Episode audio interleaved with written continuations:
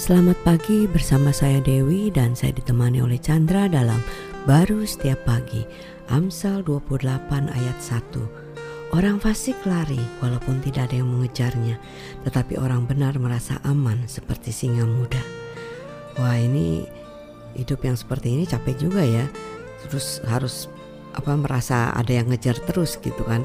Nggak nggak bisa berhenti hentinya untuk uh, apa melakukan sesuatu yang benar kelihatannya. Kalau orang benar itu merasa aman, padahal sebenar-benarnya apa yang kita lakukan tanpa Tuhan itu sebenarnya hidup tidak tidak bisa benar ya. Makanya orang fasik itu ya nggak ada yang ngejar merasa dikejar gitu.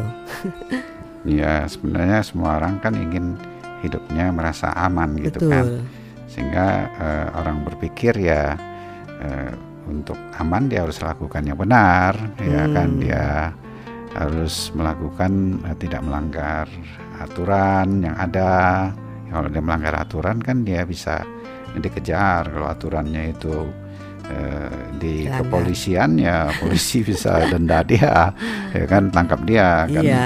nah takutlah dia. Akhirnya iya, dia lari dan dikejar. Iya tapi ya sekalipun di sini dikatakan nggak ada yang ngejarnya. Hmm tapi ya dia berlari juga seperti dikejar-kejar karena ya memang dirinya ya yang uh, di mana dikatakan uh, orang fasik. Hmm. Uh, kalau kita lihat Adam itu kan uh, ketika dia jatuh, jatuh dalam, dalam dosa, dosa ya dia merasa bersalah dia ada dikejar-kejar oleh perasaan bersalah ya hmm. dia sekuat-kuatnya sempat sembunyi terus ya ya sekuat-kuatnya dia untuk melakukan yang baik kan dia nggak bisa lepas Betul. sehingga ketika dia ngeliat Tuhan pun dia sembunyi hmm. padahal Tuhan mengasihi dia yes. sebenarnya dikejar sama kasih kan senang aja ya Betul. ya tapi dia nggak bisa ngerasakan ya kasih dia nggak bisa ya. lagi dia merasa hukuman itu jauh lebih besar hmm. di dalam hidupnya padahal dia butuhkan kasih Tuhan untuk memulihkan kejatuhan dia. Hmm. Uh, maka itu Tuhan uh, sadar itu manusia nggak bisa